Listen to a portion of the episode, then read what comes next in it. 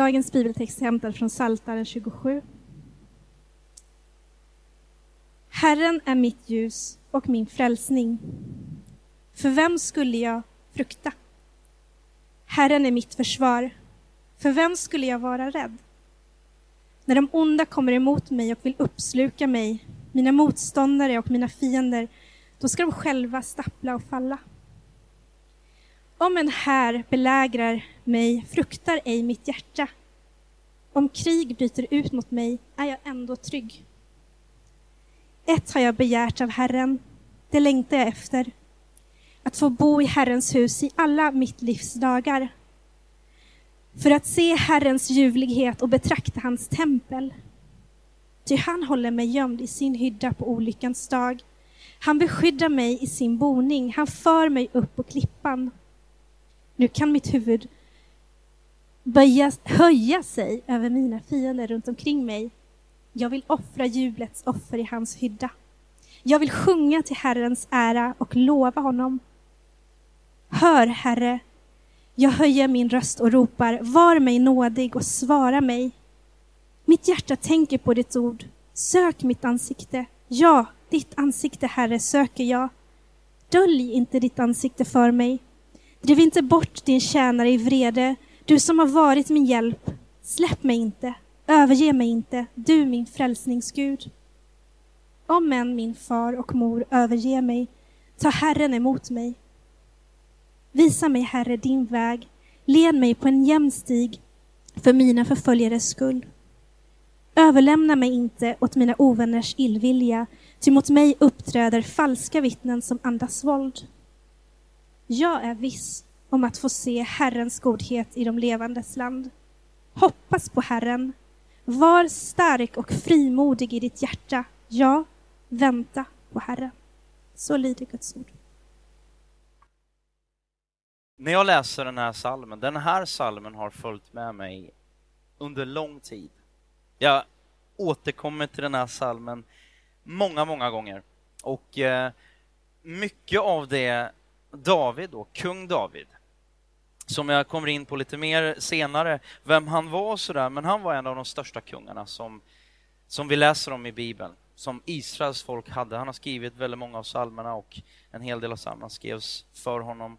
Eh, och eh, kort och gott om Saltaren, det har nämnts lite grann tidigare, bara som summering sådär, så är det en samling böner, sånger, en samlingsbok. Det är rätt inne, liksom Absolute Music 5011. Eh, det här, de var lite tidigare här då, för ungefär 3000 år sedan. Eh, och sedan dess har de här texterna och sångerna använts av Guds folk i bön, i gudstjänst, i tillbedjan. Jag använder det inte sällan som kan man kan ju tänka sådär, min fru kanske tänker att det är inte så ofta Daniel är talträngd, men ibland så kan man ju ändå känna sådär att vad ska jag säga till Gud?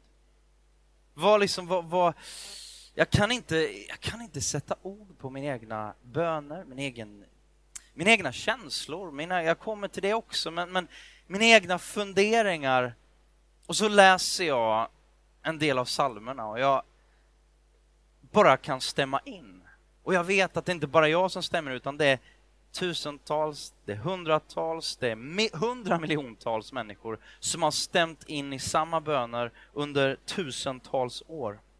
Vi vet också att de här salmerna, till och med, eller inte bara till och med, utan även Jesus Kristus, Guds son, använde salmerna i det naturliga och i det vardagliga eh, i sitt eget böneliv. Och eh, under kyrkans eh, gudstjänster. Har, har, har salmerna alltid tagit en ganska stor del eller varit en tydlig och naturlig del? Och eh, funderat en hel på det. Och eh, vi kommer att eh, se och få del av mycket mer tydligt av Guds eh, liksom, ja, de här bönerna till Gud och saltaren helt enkelt, salmerna i våra gudstjänster här i United framöver. Det känns väldigt, väldigt bra att det, liksom, det kommer vara något som är ständigt åter, återkommande. Um, jag vet att Viktor Lidström som predikade för några månader sedan också nämnde det här lite grann, men man kan kategorisera, bara för att förklara lite Psaltaren, man kan kategorisera och identifiera tre typer av texter och budskap i Psaltaren. Vi har till exempel tillbedjan, liksom direkt mot eller för och till, till Gud. Vi har tacksägelse om någonting som Gud har gjort, ofta. Och så har vi klagorop, bön, nöd. Om ett dåligt kanske då nutillstånd eller någonting som hänt, om nöd helt enkelt, då bön om hjälp. Väldigt mycket ryms i de här. Eh, och jag tänker så här, så vad, vad, vad, finns i Saltaren? Det rymmer böner, sånger, ren undervisning, rop till Gud om klagan, kärleksförklaringar, tydliga fakta och beskrivningar av Guds olika personlighetsdrag, många uttryck för att, eh, ja men våra känslor. Kärlek, hat, ilska, glädje, nöd, hopp, rädsla, trygghet, ensamhet, längtan, förtvivlan. Eh, och jag tror så här att när man läser Saltaren så kan man få en oerhörd inblick i salmisternas relation med Gud och hur de tog sig an. Och någonting som, som jag tycker är så fascinerande, det är hur brutalt ärliga de är med oss läsare och med, med Gud. Det var, ja, hur många år sedan det nu är, 12, 10-12 år sedan, men det var så här tydligt tillfälle. Jag bodde i England vid det här tillfället och eh, jobbade nära en, eh, ja, min, min chef då eh, och, och våran pastor tillika. Eh, och vi hade, vi hade rest väldigt mycket tillsammans. Vi hade rest, eh, vi hade varit, eh, ja, under ett och ett halvt års tid så hade vi rest, alltså vi hade varit, jag tror i ja, alla, världs, alla världsdelar, vi hade varit i tio olika länder, vi hade, vi hade rest väldigt mycket tillsammans, spenderat väldigt mycket tid tillsammans. Och mitt i allt det där så, jag var ju ung liksom och, och fortfarande väldigt ung naturligtvis, tjofaderittan. Och eh, det var ju spännande tider. Och där, jag ska inte gå in något närmare på vad det var för någonting, men det växte fram en enorm frustration som jag hade svårt att sätta, sätta fingrarna på. Och det, det gjorde det lite svårt i, i samarbetet med min, min eh, dåvarande pastor och, ledare och, och sådär. Och då, jag kände bara att vi, jag fick inte fram och vi kunde inte kommunicera riktigt sådär. Och, eh, till slut så säger han bara de förlösande orden. Sitter i en bil och så ska vi ha en hel förmiddag tillsammans. Och så säger han så här, nu lägger vi bort, jag kommer inte ihåg exakt hur han sa innan, men han bara, vi, vi lägger bort, vi lägger bort fakta. Liksom, där kan, det kan, gå, där kan liksom våra stories gå isär. Och så pratar vi bara the language of emotions. Beskriv hur du känner. Och det där var inte så jätte, liksom, vant för mig då, men efter lite så här trevande och så, så fick jag hjälp med att bara sätta ord på vad var det jag kände. Det var ju naturligtvis inte kanske då sanningen om hur saker och ting var, men det var ändå sanningen om jag kände. Och eh, jag tror att man ska helt enkelt förstå det. Och man behöver nog förstå det när man läser Saltaren. Att det är en hel del, det är inte bara det är fakta om Gud, det är allt möjligt, men det är även ganska mycket känslor som uttrycks på olika sätt. Och, och jag tänkte så här, hur ska man veta liksom sådär? Eh, vad, vad, vad det är man ska ta direkt och inte. Men det är ungefär som att, och det här med att, alltså hur, hur kan man ha känslor om det, det, det till synes verkar överdrifter eller vad det nu är för någonting. Men det är ungefär som, jag är ingen stor konstkunnare. Det eh, finns andra som är mer konstkunniga än jag. Men jag förstår så mycket att när en konstnär målar en tavla så är det inte nödvändigtvis en exakt kopia av verkligheten. Utan det är en exakt kopia av de drömmar, visioner och kanske känslor som finns i den här konstnären. Om du skulle ta, vi säger då att man har avbildat ett hus eller en båt, jag vill ha en båt, eh, kan man ju säga då. Nej, men ett hus. Och så tänker jag liksom, tar en, en, en byggmästare den här, den här tavlan, så bara, nu ska jag bygga ett hus ut efter den här tavlan det är fel användningsområde. Jag tror att man måste läsa saltaren och använda det på rätt sätt. Och använda det som hjärtats rop till Gud. och förstå och hjälpa, liksom, använda det som en hjälp att, att faktiskt liksom, sätta ord på, på sina känslor. Eh, och, och också liksom förstå hur de här salmisterna, hur de umgicks med Gud och var så pass, pass ärliga. Du kanske är logiker och tycker att det där var väldigt märkligt sagt. Eh, då kan ju du tekniskt och empiriskt försöka förklara det som vi kallar för själ. Om du är liksom så agnostiker eller eh, ateist och kanske tänker att vi har ingen själ utan det bara... Då kan, du, kan vi fortsätta ändå. Då. då kan du rent empiriskt försöka förklara ditt och mitt medvetande. Det är väldigt svårt att bara liksom tekniskt förklara vårt medvetande. Vi behöver använda olika, vi behöver olika approach, olika, vad säger man, liksom närma oss de här texterna på olika sätt. Och jag tänkte på det här med känslor. Vi, eh, å ena sidan så är det viktigt att uttrycka dem, å andra sidan så är det viktigt att inte de tar över och dikterar och bestämmer allting. Jag tänker på den här låten som jag blir så glad av när jag hör, från Despicable Me 2, som är Pharrell Williams när han sjunger om Happy, eller hur? Den är ju väldigt sådär. Och så en fras där, eller en av, av, av texterna där då, så skriver han så här, clap along if you feel like happiness is the truth. Och så läste jag faktiskt, då fanns det någon slags ja, exeges, alltså utläggning av den här texten på, på en hemsida som han tycks ha gjort själv.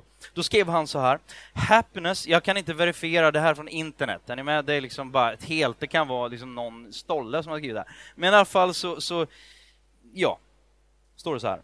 Happiness is the truth. Så alltså det han skriver.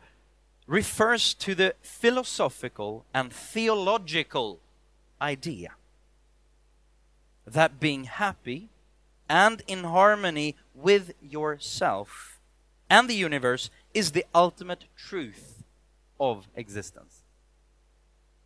Alltså, någonstans i linje med alltså att lycka, det är sanningen.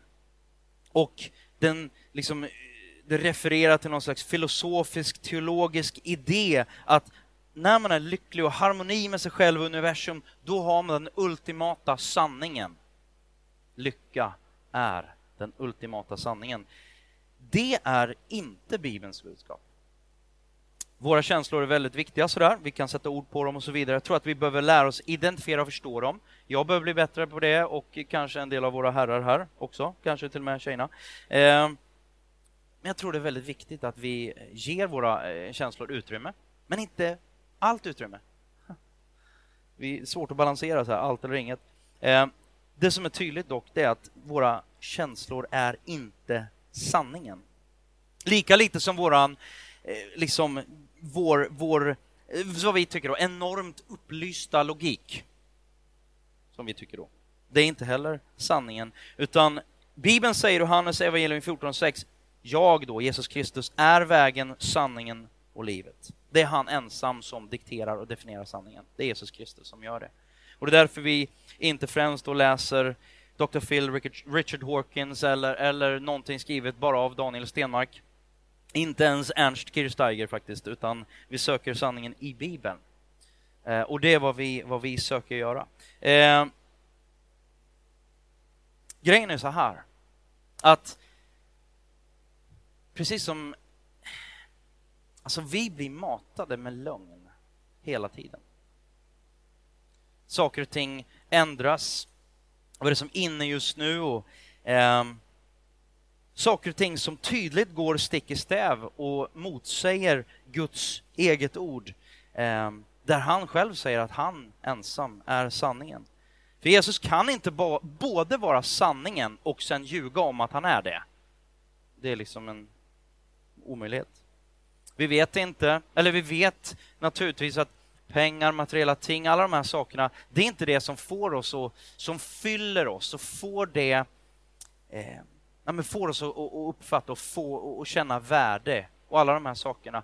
Ändå söker vi, vi söker lycka på olika sätt i pengar, i erkännande, i att bli, att vara snygga, vackra, att eh, vara någonting, att bli någon, att lyckas på ett område, vad det nu är för någonting. Vi söker lycka eh, och vi söker detta då på, på, på så många sätt.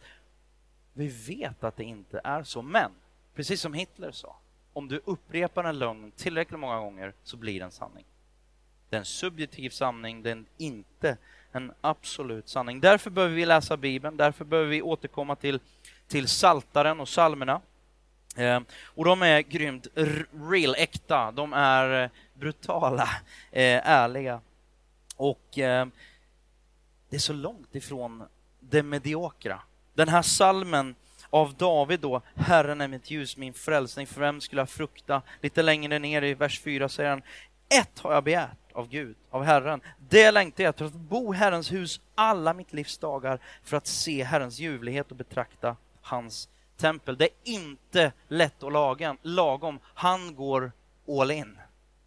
Um, och det är vad jag vill lyfta fram ur fyra olika perspektiv. Att vara liksom all in, visa, att våga vara sann, att våga vara äkta, att våga, våga vara ärlig och att våga vara passionerad. Det första är, som, som David lyfter fram då i vers 1, det är trygg. Trygg? frågetecken. Är du och jag trygg? Herren mitt ljus och min frälsning. För vem skulle jag frukta? Vem skulle jag vara rädd för? Herren är mitt försvar. För vem skulle jag vara rädd? När man är trygg med någon, då har man förtroende för någon. Det var en person eh, i, i mitt liv som jag har jobbat nära och, och eh, sådär som ringde mig en fredagkväll och sa bara ”Jag måste prata med dig”. Jaha, vad, vad är det nu? Ja, det, det är viktigt. Sådär, ja, vad händer, vad, vad, är det något som har hänt? Man blir lite orolig. Sådär, okej, okay, kan vi ta det imorgon? Bara, Nej, helst inte. Eh, för jag höll på att lägga barnen. Okej, okay satte barnen framför tvn, slog på tvn, så bara okej, okay, nu stängde jag in på toaletten. Nu har jag fem minuter, och ringde jag honom. Och så sa han så här, jag måste bara säga, jag tror, jag tror Gud vill säga någonting till dig. Ha förtroende för honom. Det var det som var så brinnande för den här personen. Och jag bara, jag ringde Linda strax efteråt och så bara, alltså fatta den här personen som jag jobbat nära och alltså vilket privilegium. Den personen bara ringer så här urgency och säger bara ha förtroende. Glöm inte att ha förtroende för Gud. Mitt i vardagen, mitt på jobbet, mitt i... Jag var ute och åkte då med en person som jag Ja, men jag hade, har, men, men hade väldigt stor förtroende för. Eh, det var bara det att det var sent, det var började bli in på natten sådär och jag, jag blir inte så sömnig på natten. Jag vaknar till, och vaknar till liv märkligt nog. Men i alla fall, han blev väldigt sömnig och han vägrade flytta sig från ratten.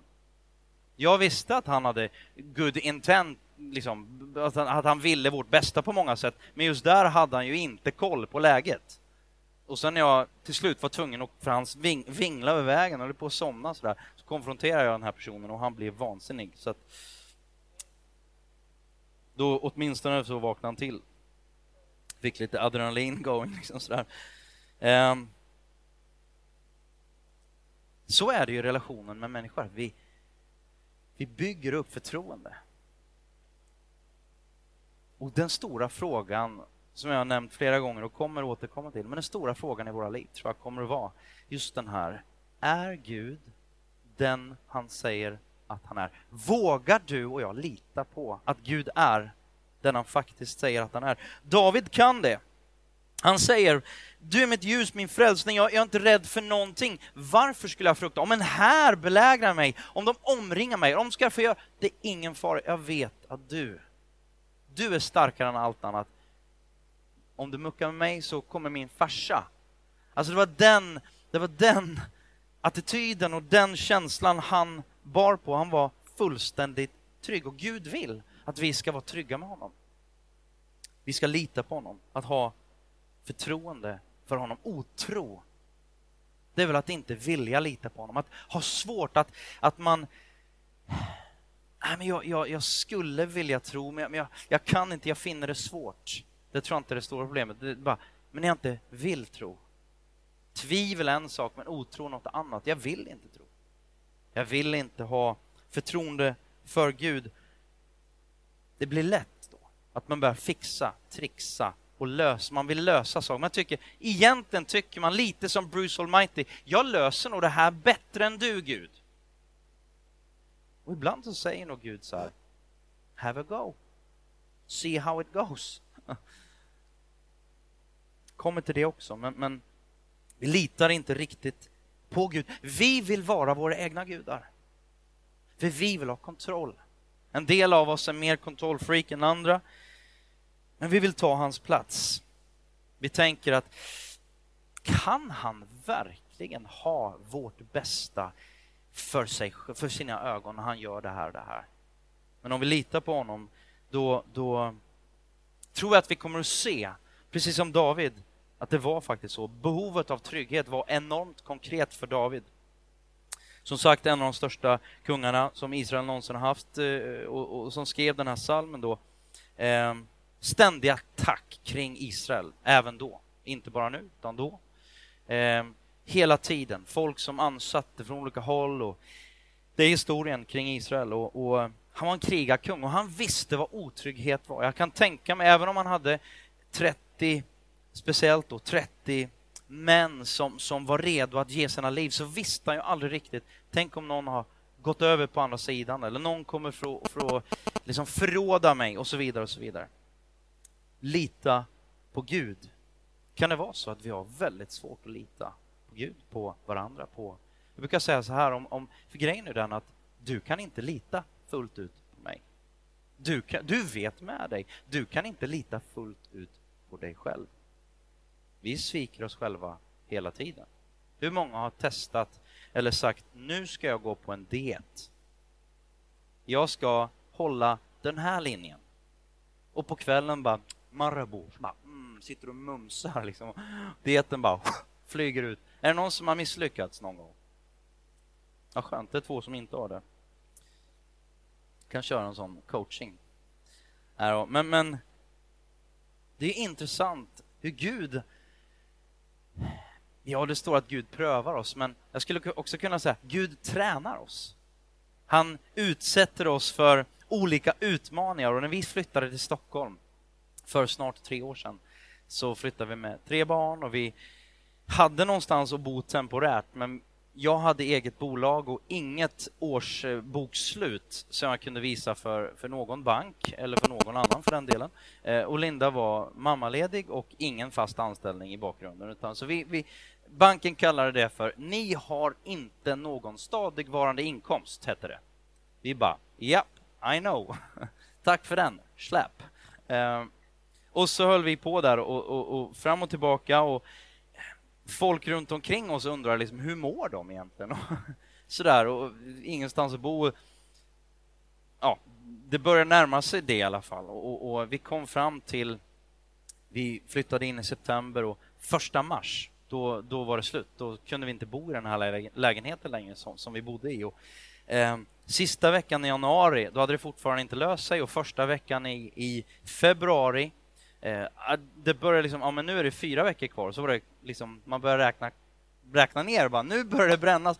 Nu, alltså vi hade gjort allt vi kunde. Snacka om att ligga och, jag låg inte och kollade på Blocket för att jag inte hade något annat att göra.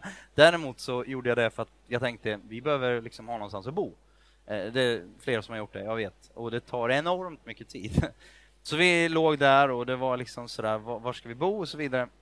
Och så kom vi fram till, jag tror det var en tre veckor innan vi, vi var tvungna att flytta ur då, så löste sig jobb för Linda eh, och eh, ett boende för oss och jobb för mig inom två veckor tror jag.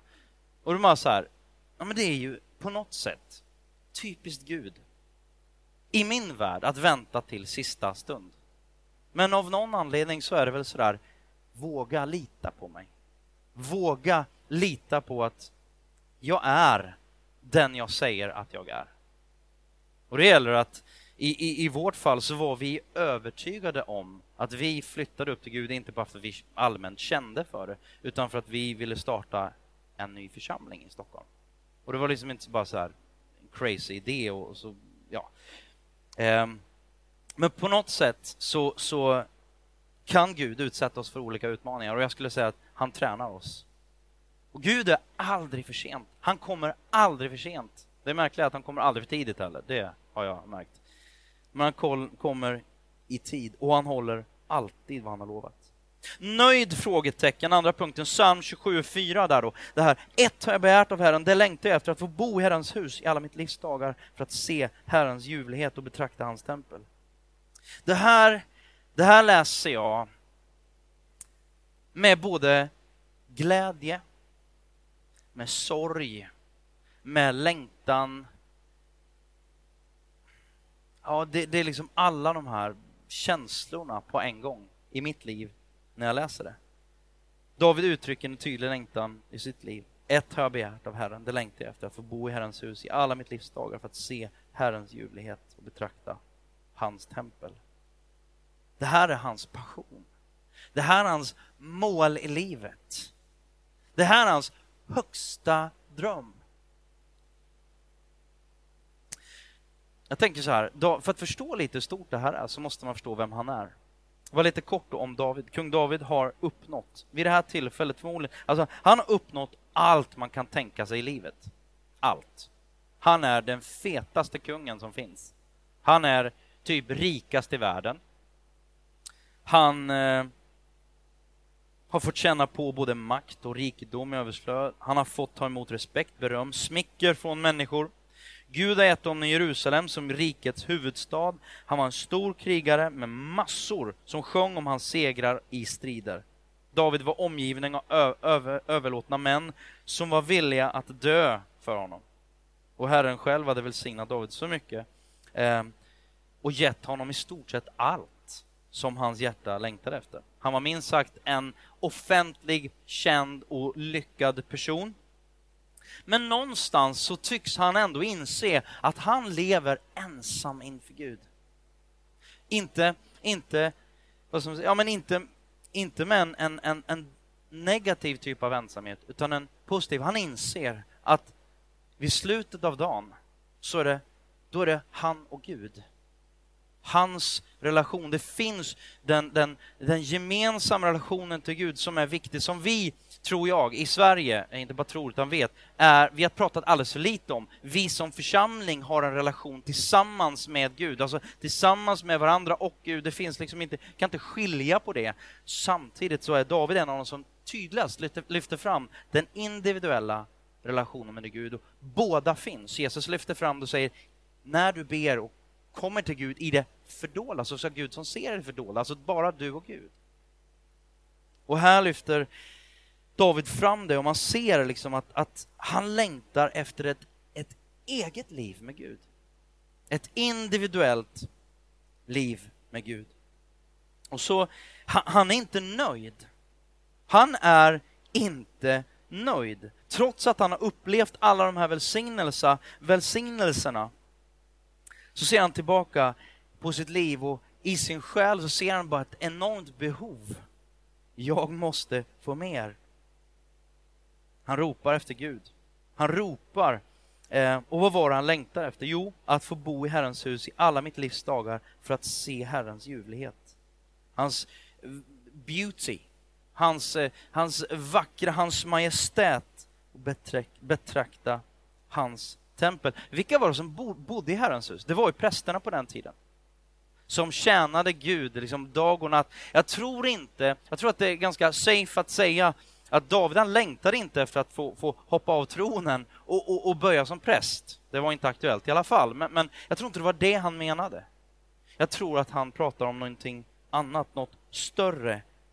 Det är precis som att han säger, jag, jag skulle vilja leva med en oavbruten individuell gemenskap med Gud. Jag skulle vilja, jag skulle vilja att det var en livsstil. Det är vad jag tror att han ber för. Han var inte nöjd. Han längtar efter en ny livsstil. John Ortberg skriver i sin bok, jag ska citera och läsa lite kort. John Ortberg skriver i sin bok Livet jag längtar efter. Han skriver så här. Allt för ofta ser människor till sitt andliga liv bara som ett av flera aspekter av tillvaron, vid sidan av och tydligt avskilt från deras ekonomiska eller yrkesliv. Tidvis kan det hända att man försöker få ordning på sitt andliga liv genom att be mer regelbundet eller utöva and andra andliga övningar och vanor. Detta är den religiösa motsvarigheten till att hålla en, eh, en diet eller försöka följa en ekonomisk budget. Sanningen är att termen andligt liv bara är en form av benämning på det egna livet ter sig i varje ögonblick ur alla tänkbara aspekter ur Guds, Guds perspektiv. Man skulle kunna uttrycka det så här, Gud är inte intresserad av ditt andliga liv, han är bara intresserad av ditt liv. Det är det livet han vill förändra. Jag tycker det var så tydligt, det han skrev och jag kände igen mig. Jag kan rekommendera den boken faktiskt. Jag och Linda har börjat läsa den och bara sett, alltså den, den kan rekommendera den. Boktips, Livet jag längtar efter med John Ortberg. Vi tror på att ha en konkret, eh, tydlig och många gånger logisk och praktisk förståelse och kunskap om och av Gud. Men vi tror att det inser, speciellt när jag läser, eller inte minst i alla fall när jag läser Saltaren att det krävs någonting mer, eller att det tycks finnas någonting mer än passion, lovsång utan relationen och kärleken till Gud. Det förblir bara text i olika toner, musik som man kan gilla eller ogilla. Gudstjänsten här då utan relation blir i bästa fall en trevlig sammankomst. Var en skönt och härligt och trevligt tillsammans med gamla och nya vänner. Där du förhoppningsvis lär dig mer om Gud. Men utan kärleken, passionen, relationen så blir det mest om Gud, inte med Gud.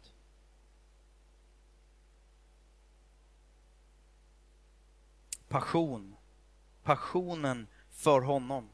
Att inte nöja sig med mindre. Och det är det här också, smärtan kommer in när jag läser det här. För jag, jag, kan, jag kan känna en bedrövelse över och en, en, en, en sorg över att jag bryr mig för lite. Att jag är, jag kan nästan säga, nu slår jag knut på mig själv nästan, men känna en sorg över att jag känner för lite sorg. Alltså att, att, att liksom det finns, jag är, så, jag är så upptagen av båtar, eller av vädret, eller av barnen, eller av jobbet, eller av... Och jag tycker jag har det ganska bra. Det var någonting i David, och han hade mer båtar och mer liksom allt än vad jag kan överhuvudtaget tänka mig. Ändå, ändå var det något, det är inte det han pratar om när han säger det här längtar jag efter, det här står jag efter, det här söker jag, det här begär, alltså det är ett starkt ord. Det här begär jag. Vad begär du? Vad längtar du efter? Sitter du bara här, ja, jag längtar efter en, en ja, jag vill gå ut plugget här och jag vill börja jobba och skaffa sju barn och halvt fotbollslag och ja, men jag vill ha båt och villa, vovve. De där grejerna är jättebra. De, han hade ju allt. Det är inget fel på det. Gör allt det, men vad är ditt fokus? Det var ingen av psalmisterna som nöjde sig med det. Jag är rädd för att jag allt för ofta nöjer mig med lätt och lagom. Och så smyger det sig in i västvärlden en i väst, liksom västvärldens kyrkor smyger sig in en, en passivitet. Det är ju Gud som gör allting. Han gör allting för mig. Det finns ingenstans i Bibeln där det står bara Gud fixar hela skivan. Det är så enkelt att leva för Gud. Det blir bara, han tar bort alla problem. Han är i själva verket den största curlingföräldern som finns. Det är inte Gud enligt Bibeln. Gud är ingen curlingförälder. Jag tror att, alltså om man läser då man läser Saltaren så tycks det vara jag söker Gud och Guds eget ord.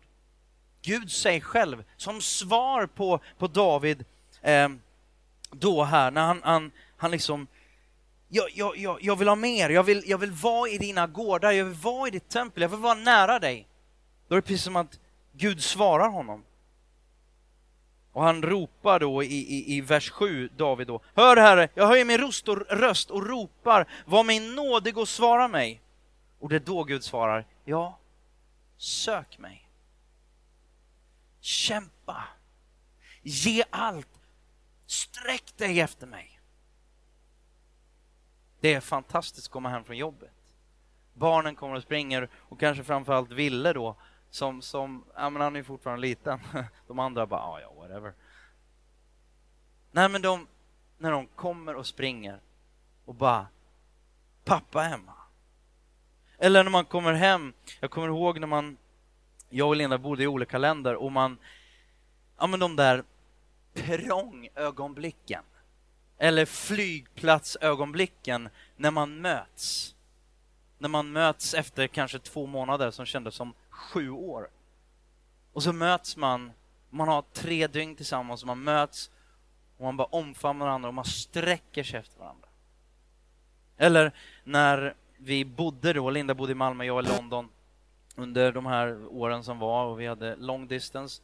Och man bara, jag kommer ihåg, jag åkte på min longboard hem och så tog jag, hade jag hittat något så här, något, eh, det fanns ju inte Skype på den tiden, det var ju liksom 15 år sedan, nej det var 12 år sedan. Um, och så ringde jag upp ett telefonnummer som tog mig till ett annat telefonnummer som i tredje hand kunde ringa Linda då, eh, utan att bli ruinerad. Och så fick man ungefär en timme om dagen och man bara längtar efter den där stunden att få prata, att få vara nära den man älskade på det sättet. För ett antal år formade jag en bön i mitt hjärta och som jag även började tala ut som blev the soundtrack of my life. Och det var två, två statements kan man säga, två som jag skulle önska fick vara för resten av mitt liv, någon slags etos, någon slags genomgående DNA och dröm och längtan och begär i mitt liv. Och det är de här två ja, statements. Gud, jag vill komma så nära dig en man kan komma i den här världen. Och jag vill söka ditt ansikte tills jag finner ditt ansikte. Vet du, det är något speciellt med ansikten. Det står, det står om Mose i Gamla Testamentet, i, i Andra Mosebok, står det om att det står inte om någon annan, men Gud säger om honom och det står att han mötte Gud ansikte mot ansikte som en man talar med en annan man. För mig så är det enormt stort. För mig att lära känna någon att få se in i ett ansikte. Ansiktet, det är på något sätt, det är liksom kroppens fönster, kroppens liksom uttrycker så mycket av personen. Man får se in i den man älskars ögon och man ser, finns det oro där? Finns det, finns det lycka? Finns det trygghet? För, vad, vad händer? Man kommunicerar så mycket. Att få se in i någons ögon. Få se in i någons ansikte. Och Gud Ja, han vill att vi ska sträcka oss efter hans ansikte. Den aronitiska välsignelsen, fjärde Mosebok eh, kapitel 6, ni kanske har hört det. Vi uttalar inte den så jätteofta, vi kanske skulle börja göra det. Vers 26, 25, 26, 24 till 26. Herren välsigne dig och bevara dig. Herren låter sitt ansikte lysa över dig och vara dig nådig. Herren vänder sitt ansikte till dig och ge dig frid. Sök mitt ansikte, säger Gud. Ta dig tid. Ibland så ger vi liksom uttryck för och vi, vi är så busy, vi är så upptagna, vi, vi håller på med, ändå sitter vi framför tvn eller framför datorn och framför Facebook och framför Instagram och dittan och dattan och så säger vi, vi har inte tid. Jag har inte tid med dig Gud. Jag har inte tid att söka dig. Hur är det? Hur är det i min längtan, mitt begär? Det handlar inte om att du måste, liksom lagisar. Men på, på kvällarna när jag åkte hem på min longboard så kunde jag inget annat än att bara längta tills jag får prata med Linda. Hur är det med min längtan? Hur är det med din längtan? Filipperbrevet 3 och 8 aposteln Paulus som har skrivit stor del av Nya Testamentet och speciellt breven då, säger så här, jag räknar allt som förlust därför att jag har funnit det som är långt mer värt. Kunskapen om, eller att lära känna Kristus min Herre, för hans skull har jag förlorat allt. Hon räknar det som skräp. Det kan lika gärna vara för att jag har hittat det som är mer värt.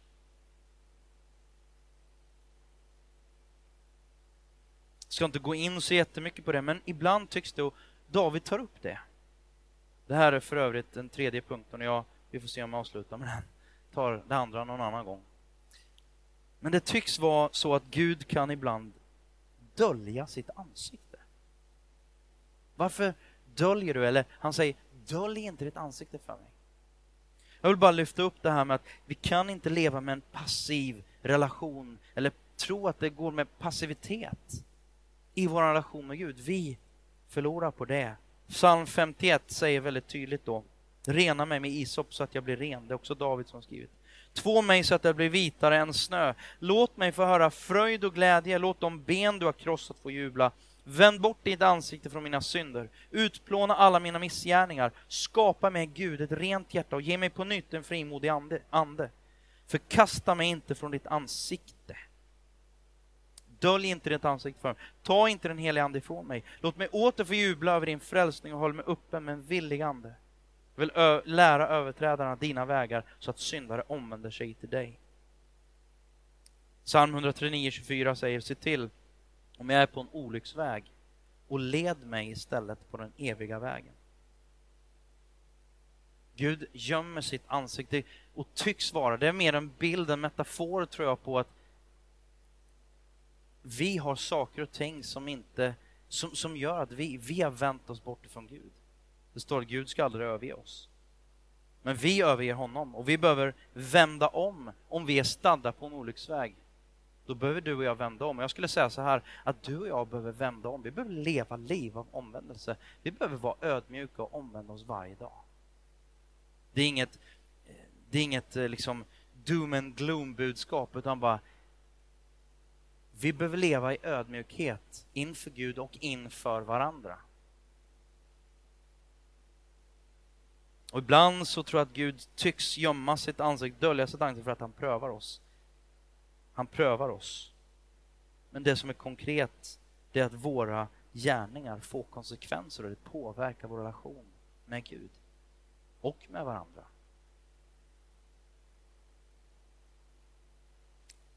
Avsluta med sista två verserna. Jag är viss om att få se Herrens godhet i de levandes land. Hoppas på Herren, var stark och frimodig i ett hjärta. Jag väntar på Herren. Jag fick sån glädje. Och jag bara kände, bara vibrera till. Det gör faktiskt det ofta. När jag ser bilderna på Stockholm. Och det är inte bara Stockholm liksom som, ja, men det, är, det är vackra byggnader och så här. Men överallt så finns det folk. Det finns människor, det finns personer, det finns så mycket stories och jag, jag längtar efter och min bön jag är övertygad om att vi kommer få se Herrens godhet, inte bara pie in the sky when we die, utan jag tror att vi kommer få se Herrens godhet i de levandes land. Här i Stockholm. Inte bara sen någon gång, utan jag tror att vi kommer få se det här. Och vi behöver hoppas på Herren, vara starka och frimodiga i våra hjärtan och vi behöver vänta på Herren. Kort och gott, vad betyder det här vänta? Är det återigen då en passivitet? Nej den aktivitet. Jag vet att mina barn hatar när jag säger du får vänta. Tyvärr säger jag det alldeles för ofta. Färdig pappa! Du får vänta. Gud säger inte det för att han är bara busy med något annat. Utan Gud säger det för att han väntar på rätt timing för dig och mig. Det är aldrig Gud som... Nej, men nu är det lite svårövertalad Gud. Kan du göra något gott här? Brukar säga så här, finns inga obesvarade böner.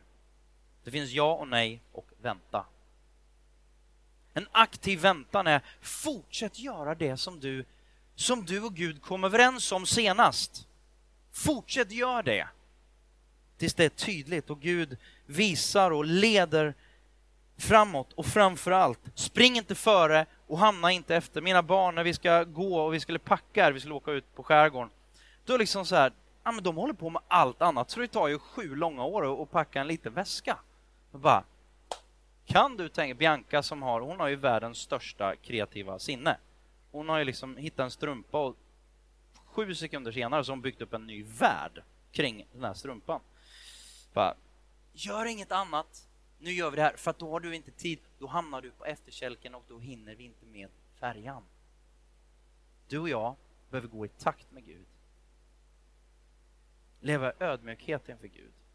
Ha förtroende för Gud. vara passionerade för Gud. Passion är inte bara en, inte bara en känsla, men jag är inte, eller en personlighet snarare. Ja, men jag är inte passionerad som person. Vad är ditt begär? Vad är du passionerad för på det sättet? Räkna med Gud på alla dina vägar.